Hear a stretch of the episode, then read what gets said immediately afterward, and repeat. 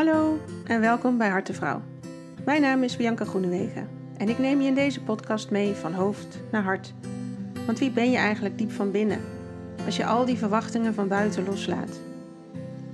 Ik deel mijn ervaringen over mijn eigen pad en praat met mensen die ik onderweg ben tegengekomen. Ik hoop dat ze jou net zo inspireren als mij, zodat jij ook die sprong kan wagen van angst naar liefde. Om weer thuis te komen bij jezelf jouw mooie, ware ik. Ik deel met jou de echte verhalen, de successen, maar ook de zoektocht naar wie je nou werkelijk bent. Want die zoektocht kennen we allemaal. En hoe meer we delen, hoe meer we helen. Want jij, mooi mens, mag precies zijn zoals je bent. Laat je inspireren en kies je eigen pad. Ik nodig je uit. Ga je mee?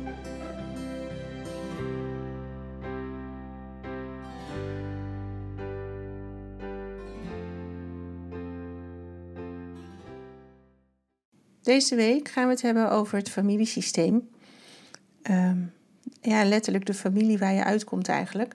Ik heb daar al twee eerdere afleveringen over opgenomen, samen met Sonja Elfrink. Ehm, en uh, het blijkt dat daar ook veel interesse ligt bij uh, de luisteraars van Hart en Vrouw. Ik heb het afgelopen half jaar zelf een opleiding gevolgd. Um, de basis voor familieopstellingen en systemisch werk. En er blijft een wereld opengaan voor me. Het is werkelijk, ja, bijzonder hoe diep verstrengeld je eigenlijk zit in dat systeem. Of ik. Laat ik het bij mezelf houden. Um, dus ik wil daar eigenlijk nog wat meer over vertellen. En dan vandaag op wat specifieke punten wat dieper inzoomen. Uh, zodat jij daar misschien ook, ja, ook weer wat mee kan. En merkt, hé, hey, dat herken ik wel bij mezelf. En ik loop daar tegenaan. Dus hoe pak ik het dan aan om daarvan los te komen? Um, nou, het systemisch werk kent eigenlijk drie wetten. Die hebben we in de vorige aflevering ook besproken. Maar Even snel, het is de wet van de binding, de wet van de ordening en de wet van liefde. En dat betekent, de wet van de binding, is dat iedereen erbij hoort. Echt iedereen in jouw familie, alle aanverwanten, alles wat gebeurd is, hoort bij jouw familiesysteem. En als er onderdelen worden weggelaten, dan gaat dat systeem niet meer werken. dus niks van die onderdelen staat los van elkaar. Dat, dat zit allemaal verbonden. Ik zie het zelf altijd een beetje als zo'n netwerk met connect the dots, zeg maar. Jij hebt een bepaalde portie dots tot je beschikking en je kan er geen één overslaan. Al die dots moeten met een lijntje verbonden zijn, want dan horen ze erbij. Nou, die tweede wet van de ordening betekent dat iedereen ook een eigen plaats heeft. Dus jij bent kind van je ouders. Jij hoort op de plek te staan van het kind. Ehm, Els van Stijn die, die vertelt dat met de bakken in de fontein. je hebt bovenin die fontein heb je de voorouders, daaronder zitten jouw grootouders, daaronder jouw ouders, daaronder jij, daaronder jouw kinderen, eventueel je kleinkinderen daaronder. Um, ik heb het geleerd als zijnde een berg. En ik vind dat op zich een fijnere vergelijking, omdat die wat organischer is. Die voelt voor mij beter dat je, je kan makkelijk omhoog lopen op een berg, maar je kan ook weer teruglopen op een berg. En situatieafhankelijk sta je dus op plek A of B. Het is niet uh, een status quo. Het is in deze situatie op dit moment heb je een plek. Maar goed, iedereen heeft dus recht op die eigen plek. En als iemand op een verkeerde plek staat, dan stroomt die energie weer niet in dat hele systeem. Ook als emoties niet gevoeld mogen worden, dan stromen die tot, door dat systeem totdat iemand bereid is om het te voelen. Um, dat gaat dus door generaties ook heen. Het kan in, binnen een generatie uh, kan dat verwringen, zeg maar, maar het kan ook tussen generaties verwringen. Dus nou ja, we hebben natuurlijk onze opa's en oma's, die hebben de oorlog meegemaakt. Daar is heel veel in gebeurd, veel trauma opgelopen. Daar werd over het algemeen niet over gepraat. Ehm, maar daar zit natuurlijk wel pijn. En zolang dat niet gevoeld wordt, wordt dat binnen de generatie naar de volgende generatie weer doorgegeven. En zeker als je dan dat berg ook ziet, het water kan alleen maar de goede kant op stromen. En zie dat water dan als de soort van familie-energie. Op het moment dat, dat ik bijvoorbeeld als kind denk dat ik voor mijn moeder moet gaan zorgen, dan ga ik, klim ik die berg omhoog, ga ik boven haar staan. Maar dat betekent dat ik niet het water krijg wat eerst door haar is gegaan. Dus ik ontvang niet van haar. Ik ontvang van mensen boven mij op die berg. Maar als kind heb ik de liefde te ontvangen van mijn ouders. Maar als ik boven haar op de berg ga staan, dan komt het water natuurlijk nooit bij mij. Dus dan kan ik dat helemaal niet voelen, die liefde, want die zit een, een, een verdieping lager. Nou, die derde wet van de liefde, die gaat over een balans tussen geven en ontvangen. Ouders geven en kinderen ontvangen. Dat is eigenlijk de enige uitzondering daarop. Binnen een, een uh, generatie, um, daar hoort balans te zijn tussen geven en ontvangen. Maar kinderen hoeven nooit te geven aan ouders. Ouders hebben niet het recht om te ontvangen van hun kinderen. En dat klinkt best logisch. En toch, als je daar even verder over nadenkt, zeggen we best wel eens tegen kinderen: Nou, uh, ik heb al zoveel voor je gedaan. Met andere woorden, je mag wel eens iets terug gaan geven aan mij. Dat is niet de taak van het kind. Het kind heeft alleen maar te ontvangen van jou. Dus ouders geven, kinderen ontvangen. Draai het om, dan klopt het dus niet meer.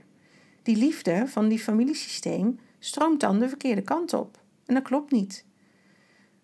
Je kan er eigenlijk ook van uitgaan dat mensen die moeite hebben met ontvangen, of die alleen maar kunnen geven, dus eigenlijk altijd verkeerd, op de verkeerde plek staan in het systeem. Want die hebben niet geleerd hoe, dat, hoe ze dat moeten ontvangen. Die zijn al heel vroeg in hun leven die berg opgeklauterd. En te zeggen: Mama of papa, ik zorg wel voor jou. Ik neem jouw lasten over. Dan hoef jij het niet te dragen. Dan heb je ruimte om van mij te houden. Dat is weer dat magische denken van het kind, hè? Want eigenlijk, diep van binnen, verlangen we allemaal naar een gevoel van heelheid. En dat is ook waarom we zo keihard werken om die buitenwereld te veranderen en goed te maken. Maar het werkt dus andersom. Het gaat erom dat jij zelf op je eigen plek gaat staan en dat je die echt ook inneemt. Dit is mijn plek, ongeacht of andere mensen in jouw systeem op hun plek staan. Want daar ga je niet over. Je gaat alleen maar over jezelf. En je kunt ervan uitgaan dat je niet in al je basisbehoeftes uh, bent gezien, vervuld uh, hè, tijdens jouw systeem. Want je ouders hebben ook maar de bepaalde tools gekregen, uh, zoals zij zijn opgevoed en, en wat zij door het leven hebben meegekregen.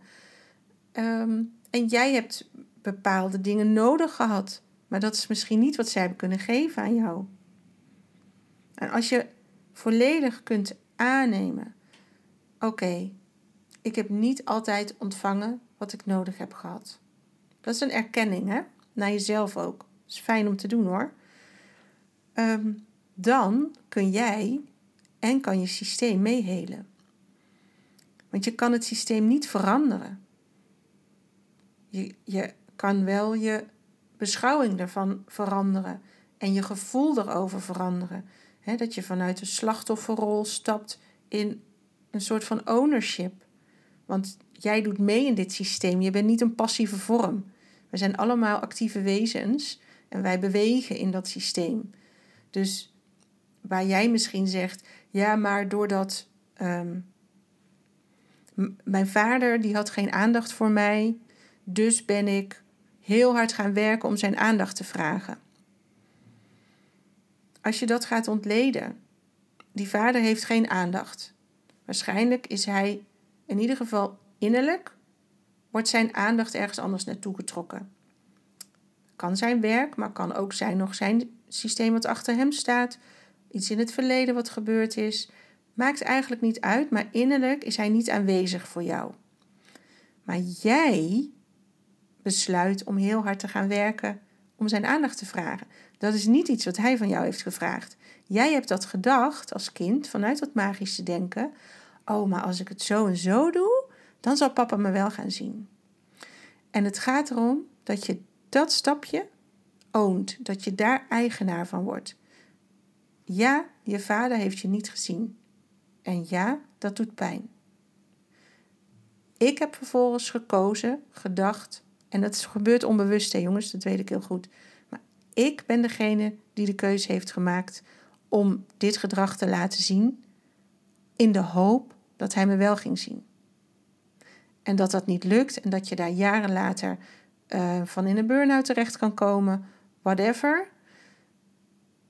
Dat is het gevolg van een keuze die jij hebt gemaakt op een punt in je leven.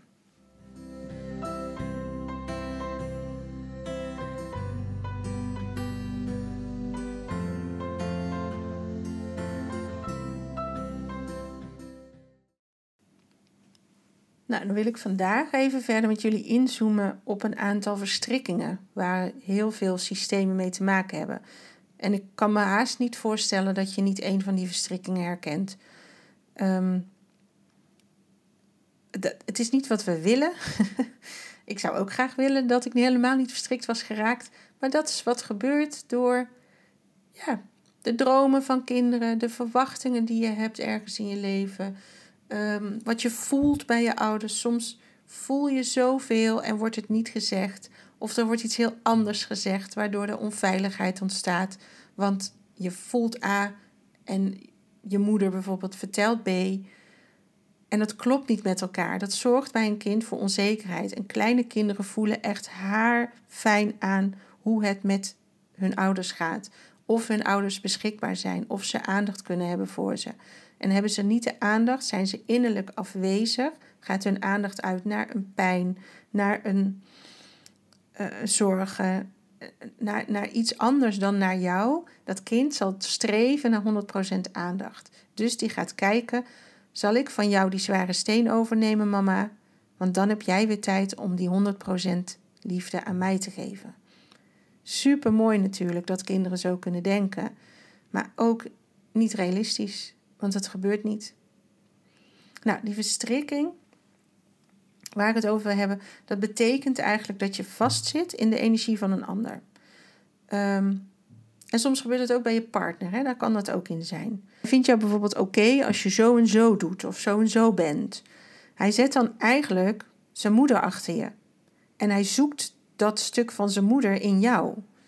En als je je daar bewust van wordt, dan kom je weer op de goede plek te staan, namelijk die van partner en niet zijnde zijn moeder.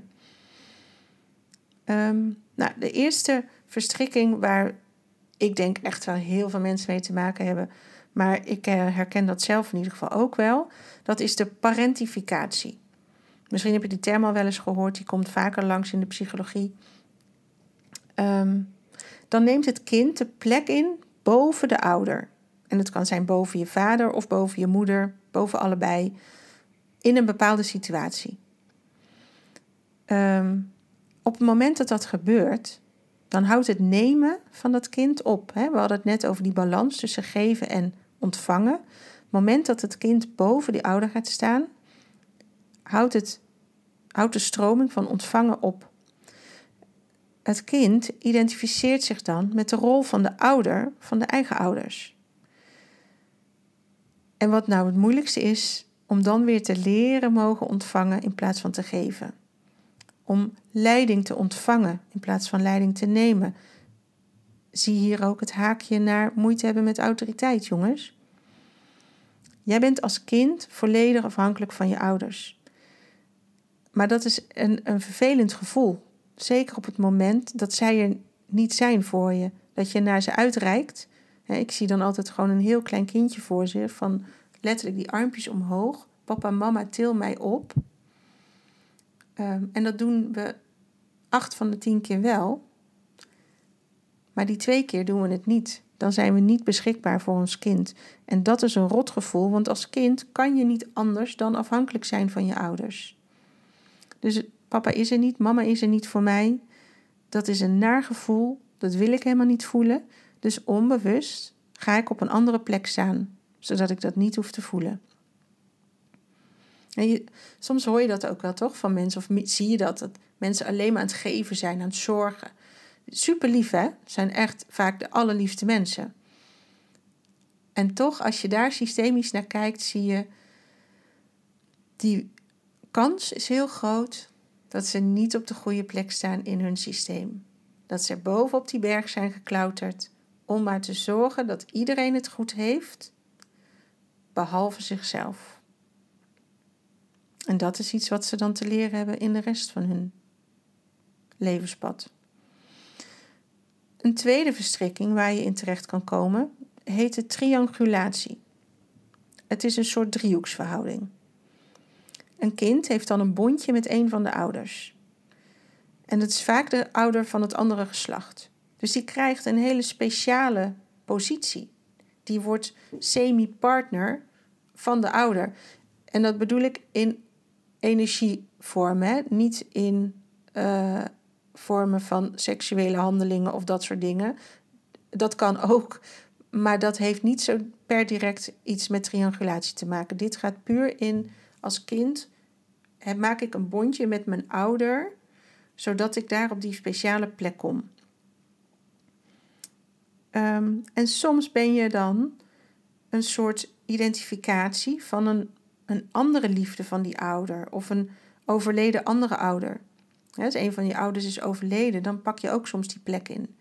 Dan ga je dus naast je ouder staan. Waar je bij de parentificatie erboven gaat staan, word je de ouder van je ouder. Bij triangulatie ga je ernaast staan in de partnerzone eigenlijk. Ehm, en hoe moeilijk is het om daaruit te komen? Want als jij dan weer jezelf uitnodigt om kind te zijn, betekent dat dat je die bijzondere plek moet opgeven. En dat kan heel erg spannend zijn. derde vorm, die ken je misschien ook wel, de bemiddelaar dan staat een kind letterlijk tussen de ouders in. Die staat op de lijn van zijn ouders ertussenin. En het doel van het kind is ze bij elkaar houden. Het kind wil er keihard voor werken om de ouders bij elkaar te houden. En dat kan ook na een scheiding nog zijn. Als er al lang iets aan de hand is, uh, als een, een moeder alweer een nieuwe relatie heeft of wat dan ook, maakt niet uit. Het kind gaat ertussen staan en die denkt: mij gaat het lukken om jullie bij elkaar te houden. Super lieve gedachte, maar totaal niet de goede manier om liefde te kunnen ontvangen en om je leven te kunnen leiden. Je raakt verstrikt. Nou, als je er tussenin staat, dan wil je altijd van alles begrijpen.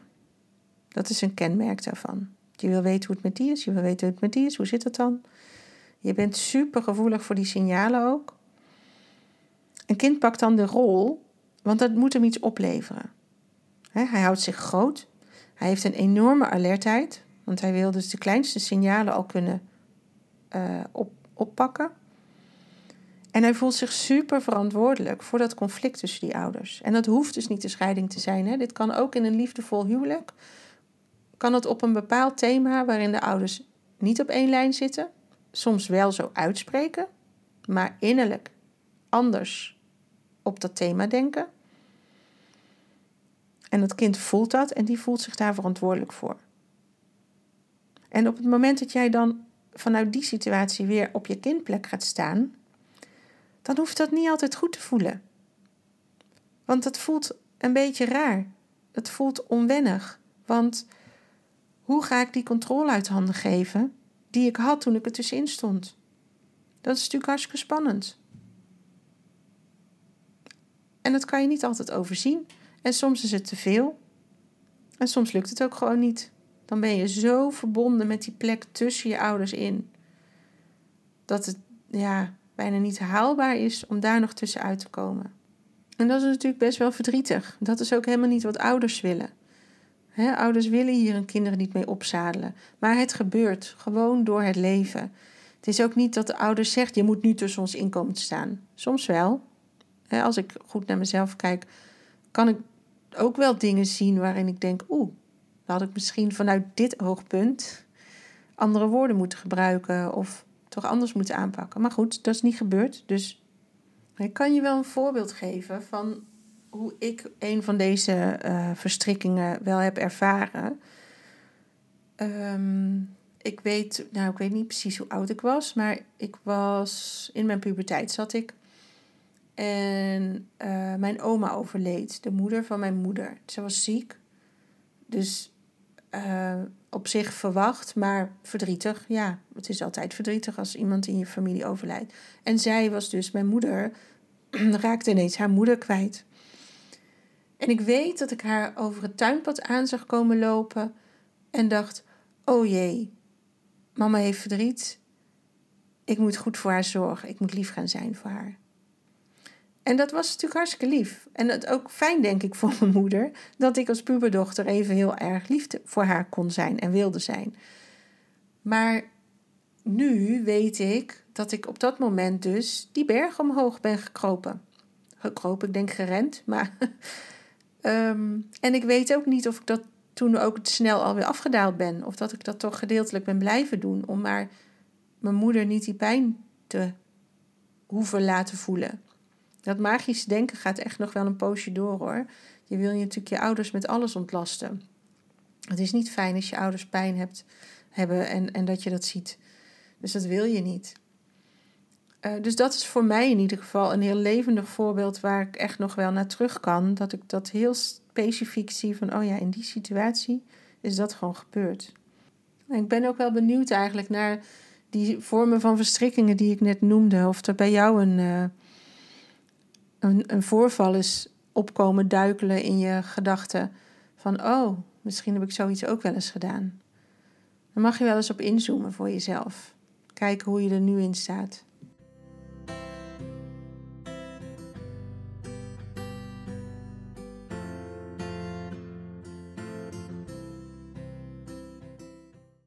En we hadden het net uh, over die balans hè, tussen geven en ontvangen. Dat ouders geven en kinderen ontvangen. Maar wat ik daar nog wel over wil zeggen, dat je als kind heb je ook niks te eisen van je ouders. Dus je hebt te ontvangen wat zij je te geven hebben. Je kan het niet in een bepaalde vorm, want ik wil wel jouw liefde, maar alleen als die zo is. Dat is ook je recht niet als kind. Je hebt gewoon te ontvangen waar je recht op hebt. En dat is liefde.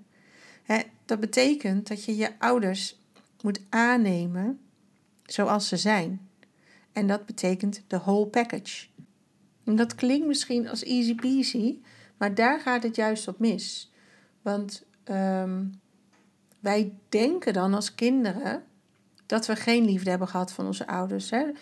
Um, bijvoorbeeld, je hebt een boze vader of, of uh, je vader was altijd aan het werk. Dus hij hield niet van me. Hè? Dat kan een overtuiging zijn waarin je vastloopt. Van, en dat wat ik aan het begin als voorbeeld gaf. Daar ben je heel hard gaan werken om wel gezien te worden. Maar je vader hield wel van je. Er is altijd ouderliefde. En het is niet de manier die jij verwacht had, niet de manier misschien die voor jou goed gewerkt heeft, denk je, hè? want alles is goed. Jij bent precies goed op dit moment zoals je bent. Er is niks fout aan jou, er is niks kapot aan jou. Jij bent heel, jij bent een mooi mens, helemaal goed zoals je bent.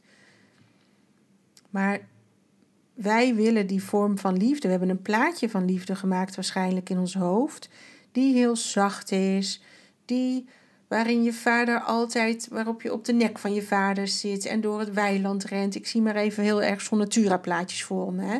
waarin alles goed en fijn en zacht en en dat is mooi, maar dat is niet het leven. Het leven is gewoon anders. En daar mogen we ook ownership op nemen. Dat het leven anders is.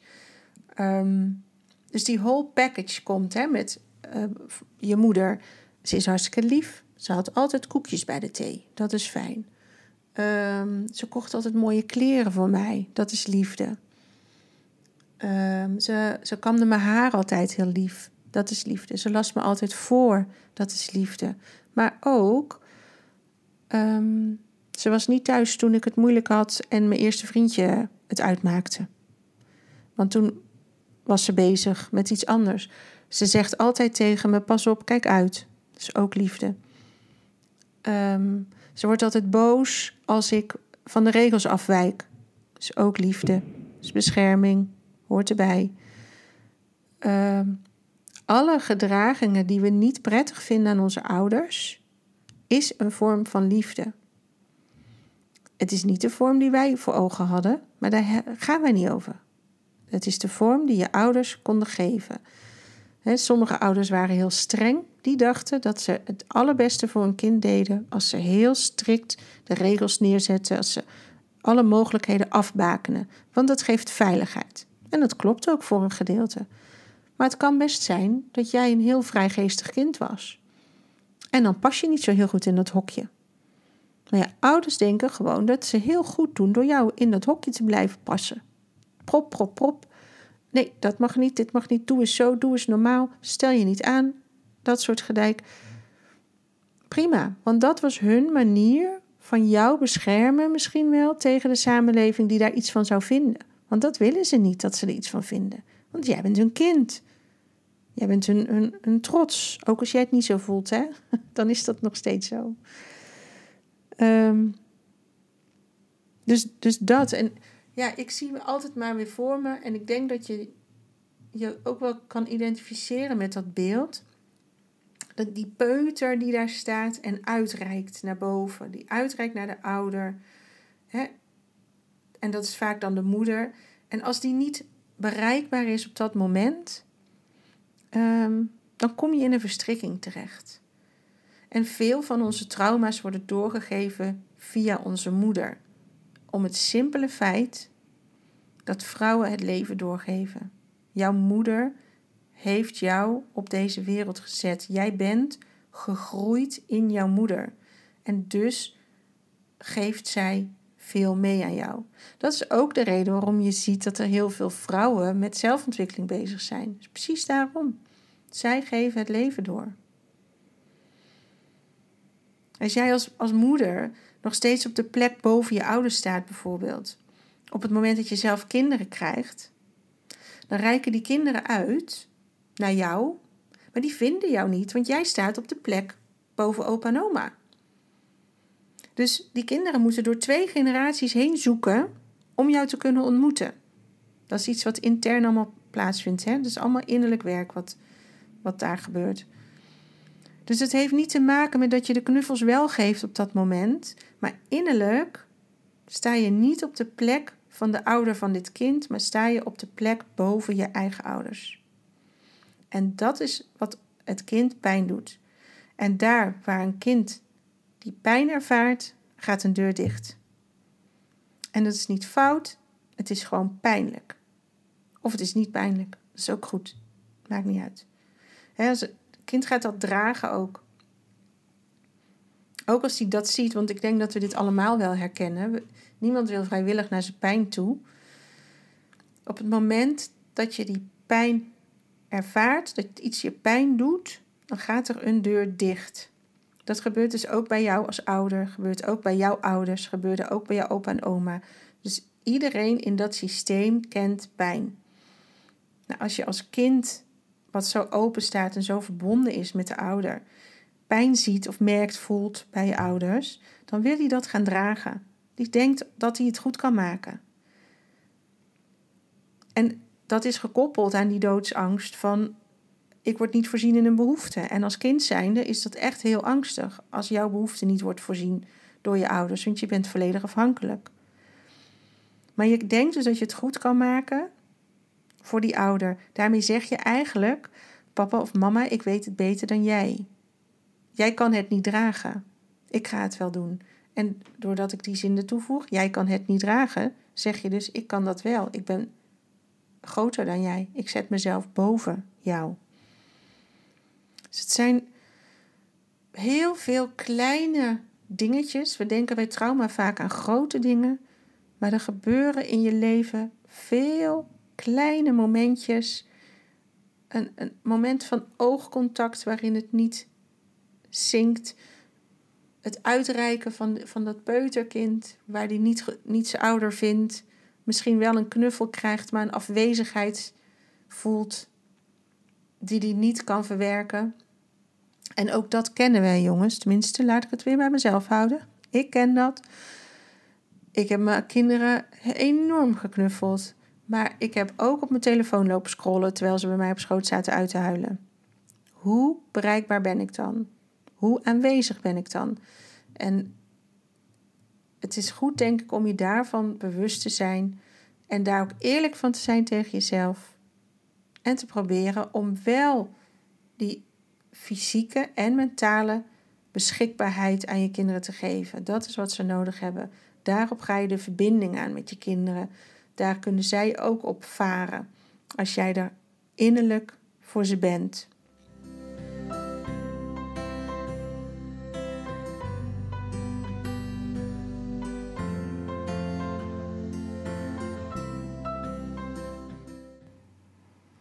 Ook een mooie uh, vergelijking daarin vind ik dat uh, je bent natuurlijk, je komt uit je ouders, dus je bent 50% je vader, 50% je moeder.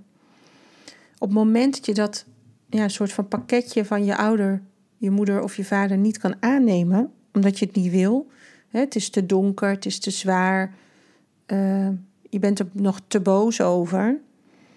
En alle recht, hè, als je het zo voelt.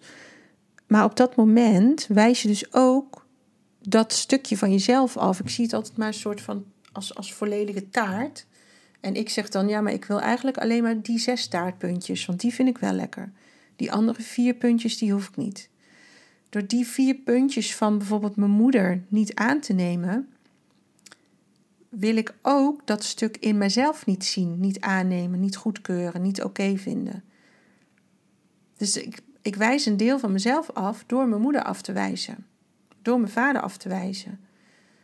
En zolang ik dat blijf doen, blijf ik natuurlijk in conflict en blijf ik vechten en hard werken en strijden.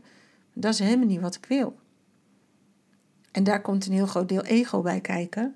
Um, want ego heeft jou geleerd om daarmee om te gaan. Maar in die end denk ik in ieder geval niet dat ego gelijk heeft. Ego kan je helpen in bepaalde situaties. Maar als het hierom gaat, dan gaat het echt voor mij in ieder geval om het, het echt die plek van jou innemen. Dus je vader en moeder achter je zetten, boven je zetten op die berg. Durven ontvangen. En durven geven ook weer aan je kinderen. Niets daarvoor terug verwachten. En, en ownership nemen op jouw plek en ook op de gebeurtenissen in jouw leven. Ehm, nog een paar kleinere, nou niet kleiner, andere vormen van verstrikking is ook een identificatie. bij de eerste wet zei ik al, iedereen doet mee, iedereen hoort erbij. Al die dots, die zijn connected. Maar soms wordt er over iemand niet gesproken, wordt hij stilgezwegen, Vroeger werd er over uh, um, miskramen en dergelijke niet gesproken. Dus die kindjes werden weggestopt, doodgeboren kindjes, niet meer over gesproken. Dus die mensen hebben geen plek gekregen in het systeem. Dan is de kans heel groot dat die plek, die rol, die persoon wordt opgepakt door iemand anders in het systeem, vaak in een latere generatie. Het is interessant als ook iemand zegt: Oh, je lijkt toch zo op ome Wim? Hm, moet je maar eens even gaan kijken op welke plek je staat en hoe er niet over ome Wim gesproken werd misschien. of welke problemen er waren waar niet over gesproken mocht worden. Zie je ook in, uh, in verslavingen kan je dat terugzien. Dat er iemand niet meer in het systeem hoort, uh, die hoort er niet meer bij. Die, die was bijvoorbeeld uh, alcoholverslaafd. En je ziet ineens iemand in dat systeem ook een alcoholverslaving opbouwen. Ga maar eens kijken of daar een link zit? Ik denk dat ik het antwoord weet. Je kan ook dubbele projectie hebben. Bijvoorbeeld, ik als kind, ik draag voor mijn moeder. En zij is bijvoorbeeld slachtoffer. Uh, dus ik word ook slachtofferrol. Maar dat onderdruk ik, want dat wil ik helemaal niet. Maar ik projecteer het op een ander die ik zie in mijn omgeving. Nou, moet je die nou toch eens even slachtoffer zien zijn? Jeetje zeg. Daar heb ik een hele sterke mening over sowieso denk ik, alles waar je een hele sterke mening over hebt, ga dat even terughalen naar jezelf. En waarom dat zo stoort. Wat voel je daarbij? Wat triggert diegene in jou dat jij daar zo'n enorme mening over moet hebben? En het, het gaat om dat innerlijk aannemen van jouw plek en het innerlijk aannemen van je ouders. Jij blijft altijd kind van je ouders. En wijs je ze af, dan wijs je ook jezelf af. En ook dat is bijvoorbeeld bij adoptie heel belangrijk, dat die biologische ouders uh, aangenomen worden. En het helpt ook om de adoptieouders dat te laten doen. Als die adoptieouders die zo liefdevol voor dit kindje zijn gaan zorgen en die het helemaal hebben opgevangen in hun huis, zij mogen de biologische ouders ook aannemen als zijn de ouders van hun kindje. Want het kindje komt uit het systeem van de, adoptie, van de biologische ouders. En een, een adoptiekind mag aannemen: ik ben weggegeven en dat doet pijn. Jullie zijn mijn ouders. Jij bent mijn biologische moeder, jij bent mijn biologische vader. Ik ben jullie biologische kind en jullie hebben mij weggegeven. En man, wat doet dat pijn? Het helpt enorm om daar naar jezelf eerlijk in te zijn. Niet te willen wegstoppen. Ja, maar ik heb het nu goed. Ja, maar mijn ouders zorgen nu zo goed voor me. Ja, maar de... nee, niet ja, maar het doet pijn. Het heeft me pijn gedaan. Jij hebt mij weggegeven. En ik had heel graag, want dat ligt er dan onder, jouw liefde gehad. maar die liefde stroomde door het weggeven. De moeder kon niet voor het kind zorgen op de manier zoals zij voor ogen had. En dus gaf ze het weg uit liefde. Ze wilde dat het kindje een beter leven had. En die adoptieouders, waarom is het belangrijk dat zij de biologische ouders erkennen en aannemen? Door het leed wat die eh, biologische ouder heeft doorstaan door dat kind af te staan, heb jij een kindje gekregen. dus daarin zit zo'n dader-slachtofferverstrengeling. Um, alleen maar door het feit dat die biologische ouder dit heeft gedaan, dit moeilijke besluit heeft genomen, heb jij het geluk van dat kindje in je leven. Dus zie het hele plaatje. Er horen meer mensen bij dan je denkt misschien. En het heeft een grotere invloed dan je misschien van tevoren had gedacht. 50% je vader, 50% je moeder. Daar verandert nooit iets aan. Ook niet als je geen contact hebt met je ouders, waar je alle recht toe hebt. Het neemt niet weg dat zij altijd in jouw systeem blijven. En daar horen ze ook. Je kan daar niet van wegrennen. En als jij je ouders hun plek niet teruggeeft, dan zet je jezelf dus daarboven. En we doen dat vaak om onze ouders te willen ontlasten, wat hartstikke lief is, maar dan ben je ze aan het beschermen en sta je dus niet op de goede plek. Als je alleen dat mooie kan zien, dan zie je ze niet in totaal. Sta je niet op de goede plek.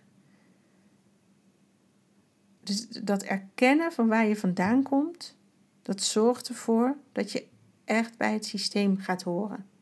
En daar thuis hoort, thuis komt. Nou, volgens mij kan ik echt nog wel een paar andere afleveringen hierover opnemen. Ik heb echt nog zoveel te vertellen, maar het wordt een beetje te veel om dat allemaal in één keer te doen. Dus misschien doe ik dat ook wel. Ga ik het gewoon in stukjes hakken, zodat het ook voor jullie wat meer behapbaar is. Ehm, wil je er meer over weten? Kom langs. We kunnen online opstellen. Je bent in de praktijk welkom. Um, ik ga volgend jaar ook opstellingendagen organiseren. Het is heel fijn om te weten en te erkennen waar je vandaan komt. Het brengt je rust en het geeft je super veel inzicht in je gedrag. En door dit inzicht, nou, je, je hoeft dus niet actief iets los te laten, maar het laat jou daardoor los, omdat je niet meer draagt voor die ander. Je gaat het teruggeven, je gaat je plek innemen en dan zal je zien dat die levensenergie die uit dat systeem hoort te stromen, altijd al gedaan heeft, maar omdat je op de verkeerde plek stond, je dat niet kon ontvangen, dat je dat nu wel gaat ontvangen. En daar kan je alleen maar van gaan groeien.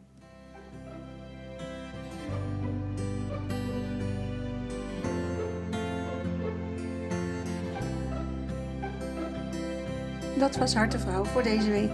Fijn dat je erbij was. Abonneer je op deze podcast, dan mis je geen enkele aflevering meer. Je kunt me ook volgen op Facebook of Instagram. Zoek dan op Bianca Groenewegen Coach. Dan kom je vanzelf bij mij uit. En ben je klaar om zelf op avontuur te gaan? Voor die sprong van angst naar liefde? Van hoofd naar hart? Stuur dan een mailtje naar contact.biancagroenewegen.nl We gaan samen kijken welk pad bij jou past. Hopelijk ben je er volgende week weer bij. Spreek je dan. En niet vergeten, jij bent perfect, precies zoals je bent.